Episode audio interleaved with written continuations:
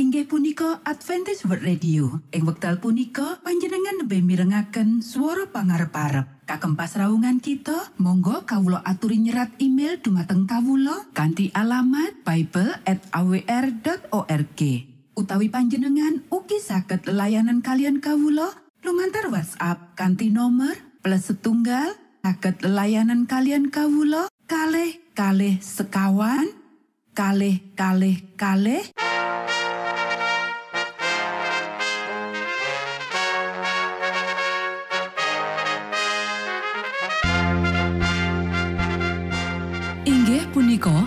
Adventist World Radio ingkang giaran kanti basa Jawi. Tentrem Rahayu kula aturaken kagem para mitra kinasih ing pundi papan lan panggonan. Sugeng pepanggian malih kalian Adventist World Radio. Kanti bingahing manah Kulo badhe sesarengan kalian para mitra kinasih lumantar saperangan adicara ingkang sampun rinonci mligi kagem panjenengan sami.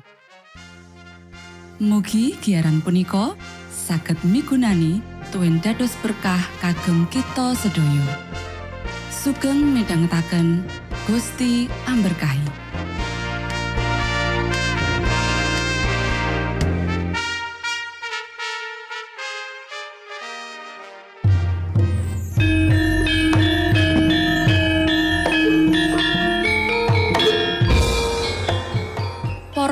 pamirsa kinasih ing Gusti Yesus Kristus.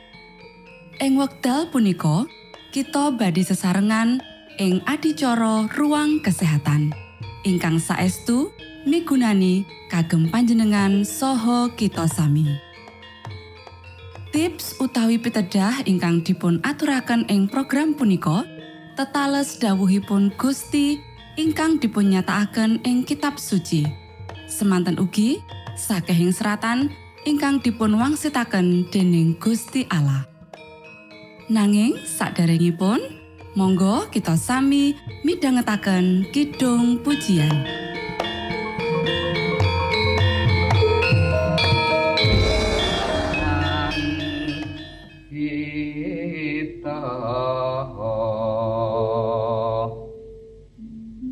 rino pantarane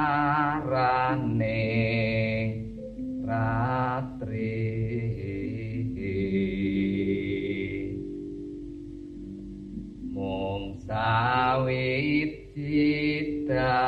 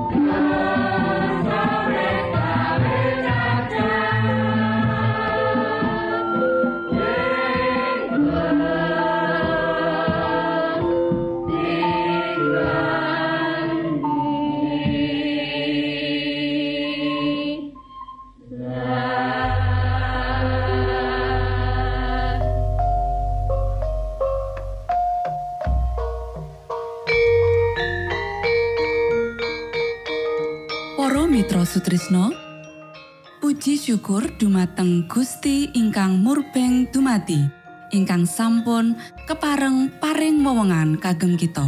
Satemah saged nglajengaken ruang kesehatan. Pirembakan kita semangke kanthi irah-irahan. Sandangan perangan setunggal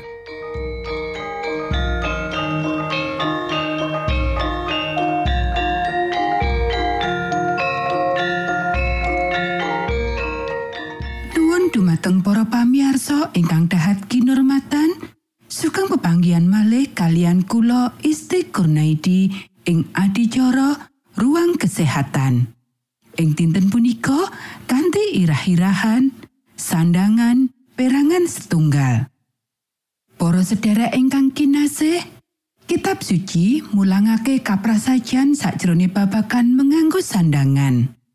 Mengkono uga wanita, iya dheweke tandan kanthi pantes, kanthi sopan lan prasaja. Babagan iki ora ngeparengake pamer sandangan, werna sing nyolok lan rerenggan sing kakean. Model sandangan sing digawe kanggo narik kawigaten marang sing nggunakake utawa kanggo ngrangsang rasa gumun ora kagolongake sandangan sing diparengake Sabda Gusti Allah.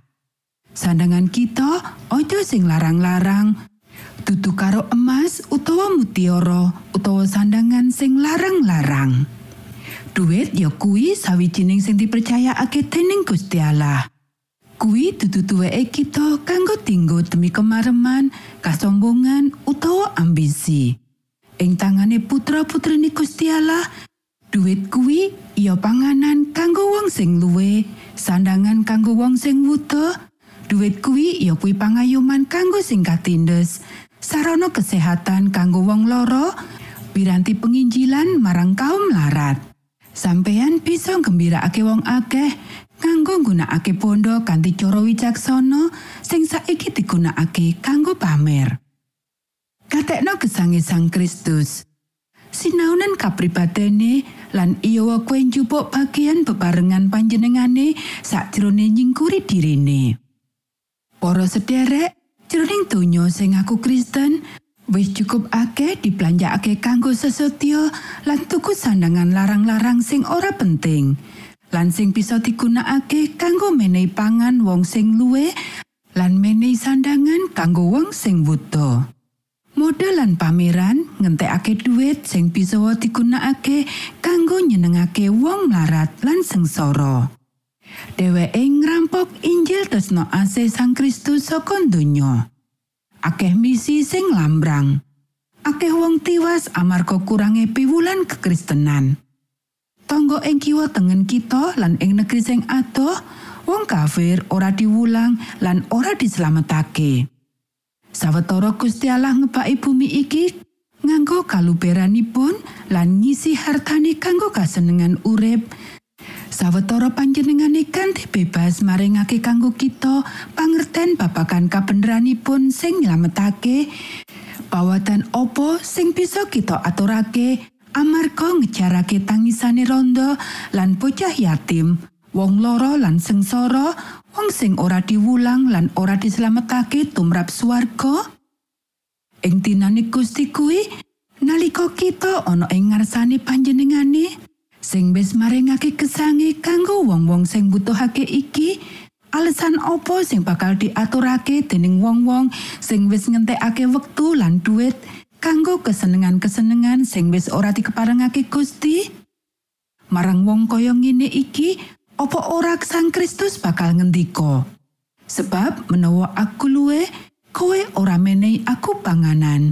Menawa aku ngelak kowe ora menehi aku ngombe menawa aku sawijining wong monco kowe ora menehi aku tumpangan.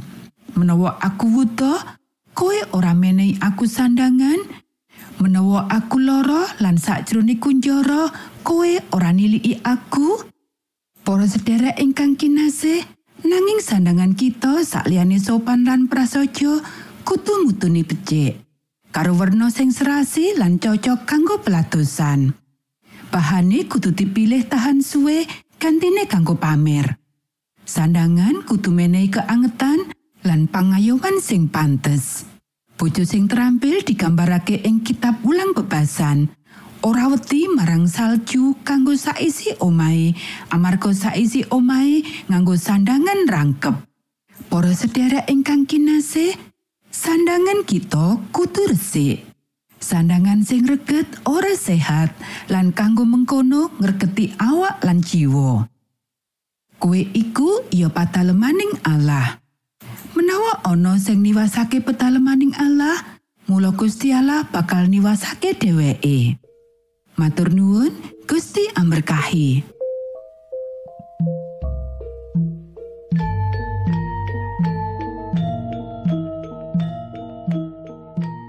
Cekap semanten pimbakan ruang kesehatan ing episode dinten punika.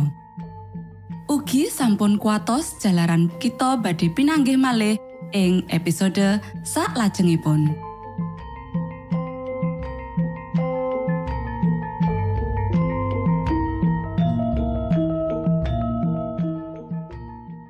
Inggih punika adicara ruang kesehatan. Menawi panjenengan gadah pitakenan utawi ngersakaken katrangan ingkang langkung, monggo kula aturi kinton email dateng alamat ejcawr at gmail.com utawi lumantar WhatsApp kanti nomor 025 pitu 00 songo songo papat 00 pitu.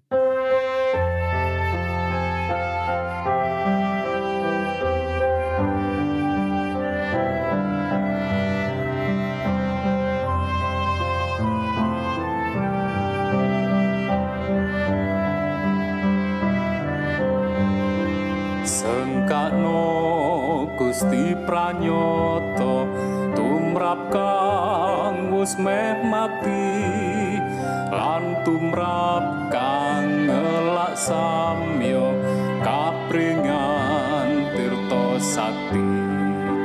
Manah kang asor lan suci Gusti mirsa lan nampi kang samyo wuto ing antuk sengkakno asmeng pamarto ing ajenging projalmi.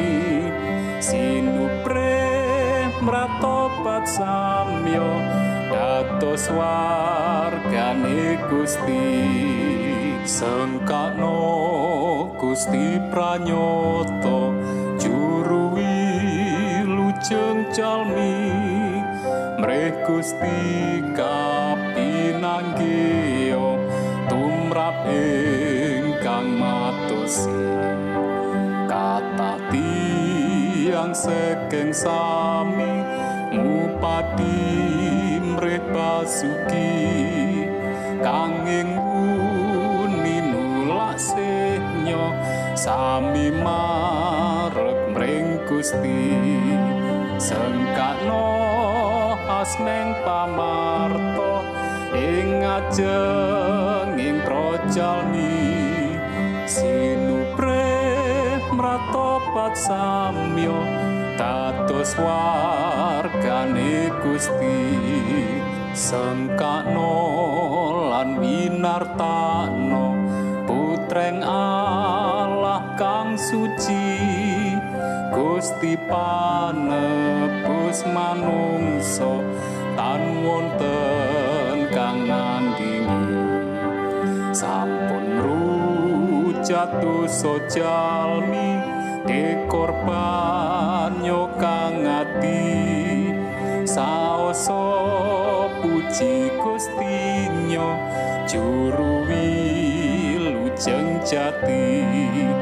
Sengkakno asmeng pamarto ing ajenging projalmi sinupre mratobat samyo dados wargane Gusti. Sengkakno lan winartano putreng Allah kang suci Gusti panebus dados manungsa tan wonten sampun rujatuh sojalmi dikurban yo kang ati. Saoso puji gustinyo juru wilujeng jati. Sengkakno asmeng pamarto ing ajenging projalmi. Sinupre mratobat samyo dados wargane Gusti Saklajengipun, monggo kita sami midhangetaken mimbar suara pengharapan. Angkat napiri kanti pawarto Sang Kristus paderamu Pro samyo puji asmanyo Sang Kristus paderamu Inggih punika mimbar suara pengharapan. Ing episode punika kanthi irah-irahan nglumpukno bondo ing swarga. sugeng midhangetaken. minangka tondo Sang Kristus paderamu ilmu kawero tambah lan tambah. Sang Kristus paderamu paderamu paderamu Sang Kristus paderamu Shalom para pamirsa ingkang kinasih wonten ing Gusti. Sakmenika kita badhe mitangetaken renungan Sabda pangantikanipun Gusti. Ing dinten punika kanthi irah-irahan nglumpukno bondo ing swarga. Para sedherek ingkang kinasih, Sabda pangantikanipun Gusti wonten ing kitab Matius pasal 6 ayat 12 lan selikur inggih punika nanging padha nglumpukna bondo ana ing swarga. Awit ing swarga ora ana rayap lan renget sing bisa ngrusak bondo mau, lan maling ya ora bisa mbabah lan nyolong. Awit ing endi dununge bandamu, ya ana ing kono dununge atimu. Para sedherek ingkang kinasih, menapa ingkang badhe kula tedha lan menapa ingkang badhe kula unjuk lan menapa ingkang badhe kula rasuk? Menika wau pitangletan-pitangletan ingkang wonten saklebetipun penggalih pria lan wanita sawetawis kelanggengan kapucal saking petanganipun. Wonten mapinten-pinten tiang ingkang boten mirsani dumateng Gusti Yesus Kristus dados setunggal-setunggalipun pangajeng-ajeng jagat. Para tiang ingkang kagem piyambakipun panjenenganipun seto sregep mirantosi diri kalian perkawis-perkawis katonyan ingkang boten kaginakaken. Wonten wekdal ingkang sami piyambakipun nglirwakaken nyumuktakaken kapribatosan ingkang badhe mantesaken piyambakipun kagem lerem wonten ing kraton ingkang panjenenganipun sampun pundhut kagem piyambakipun kanthi regi ingkang langgeng. Para sederek, nariko barang-barang donya nyedot penggalian lan mendet kawigatosan, sedaya kegiatan diri campuh nglatosi diri piyambak lan ketinggal panembahan dumateng Gusti Allah dados perkawis remeh. Kawigatosan kawigatosan agami kaandhapaken kados dene kalian katonyan. Nanging Gusti Yesus ingkang sampun bayar tebusan kagem jiwa-jiwa keluargi menungso dawuh supados piyambakipun ngutamakaken kawigatosan swargi ing sainggilipun kawigatosan katonyan. Panjenenganipun mundut supados piyambakipun kendel numpuk bondo katonyan. Ginakaken yatra kagem gesang mewah lan mubra-mubru kalian perkawis-perkawis ingkang boten dipun petahaken.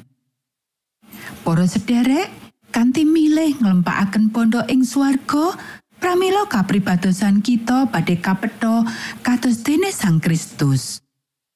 Jagat badhe ningali bilih pangajeng-ajeng lan rancangan-rancangan kita katamel nyondongi kalian kaleresan lan kawilujengan saking jiwa ingkang badhe tiwas. Para sederek, saklebetipun nglempakaken pondok ing swarga, kita manggenaken diri piyambak saklebetipun sesambetan ingkang gesang kalian Gusti Allah. Ingkang kagungan sedaya bondo donya lan nyawisaken sedaya berkah katonyan ingkang wigatos kagem pagesangan. Saben jiwa saged pikantuk warisan langgeng menika. Para sedherek ingkang kinasih, nglampahi gesang kanthi tujuan gayuh pagesangan langgeng menika kawicaksanan paling inggil. Menika saged katindakaken kanthi boten gesang wonten jagat kagem diri kita piyambak, namung kanthi gesang kagem Gusti Allah. Kanthi nyaosaken keadahan kita dumateng setunggalipun jagat ing pundi menika boten badhe nate musna. Kanthi ngginakaken pondo keadaan kita kagem majengaken pakaryanipun Gusti Allah, kasugihan kita ingkang boten tamtu kapapanaken wonten ing bank ingkang boten badhe bangkrut. Saben pangorbanan ingkang dipun caosaken kanthi ancas kagem berkait tiang sanes, saben cecaosan kagem pelatusan Gusti Allah badhe dados bondo ingkang dipun klempakaken ing swargi. Monggo kita sami ndedonga. Duh Rama kawula ingkang wonten ing swarga, asma patuko mugi kasucikaken. Kraton patuko mugi rawuh. Karso patuko mugi kalampahan wonten ing bumi kados dene wonten ing swarga. Kawula mugi kaparingan rejeki kawula sak cekapipun ing dinten punika. Saha patuko mugi ngapunten kalepatan kawula kados dene kawula inggih ngapunteni tetiang ingkang kalepatan dhateng kawula. Punapa dene kawula mugi sampun ngantos katantukaken dhateng ing panggoda. Nanging mugi sami patuko uwalaken saking piawon. Awit dene patuko ingkang kagungan kraton saha wisesa tuwin kamulyan salami laminipun. Amin.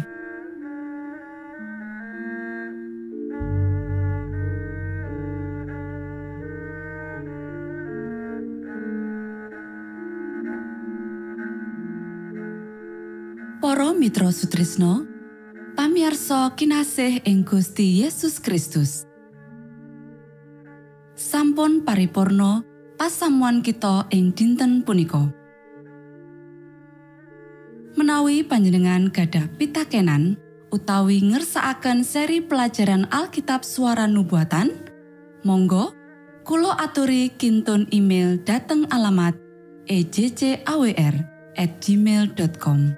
utawi lumantar WhatsApp kanti nomor 025 pitu 00 songo songo papat 00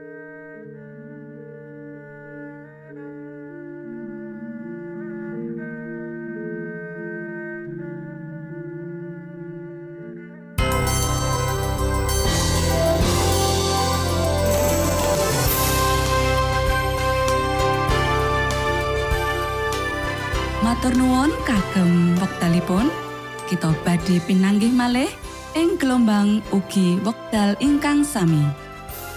Saking studio kula ngaturaken tentrem rahayu.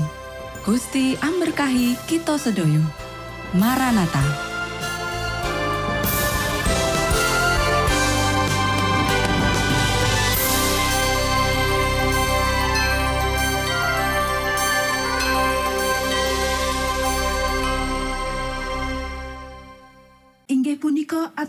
World Radio. Ing wekdal punika panjenengan lebih mirengaken swara pangarep-arep. Kagem pasraungan kita, monggo kawula aturi nyerat email dumateng kawula kanthi alamat bible@awr.org. Utawi panjenengan ugi saged layanan kalian kawula lumantar WhatsApp kanthi nomor plus setunggal saged layanan kalian kawula kalih kalih sekawan kalih kalih kalih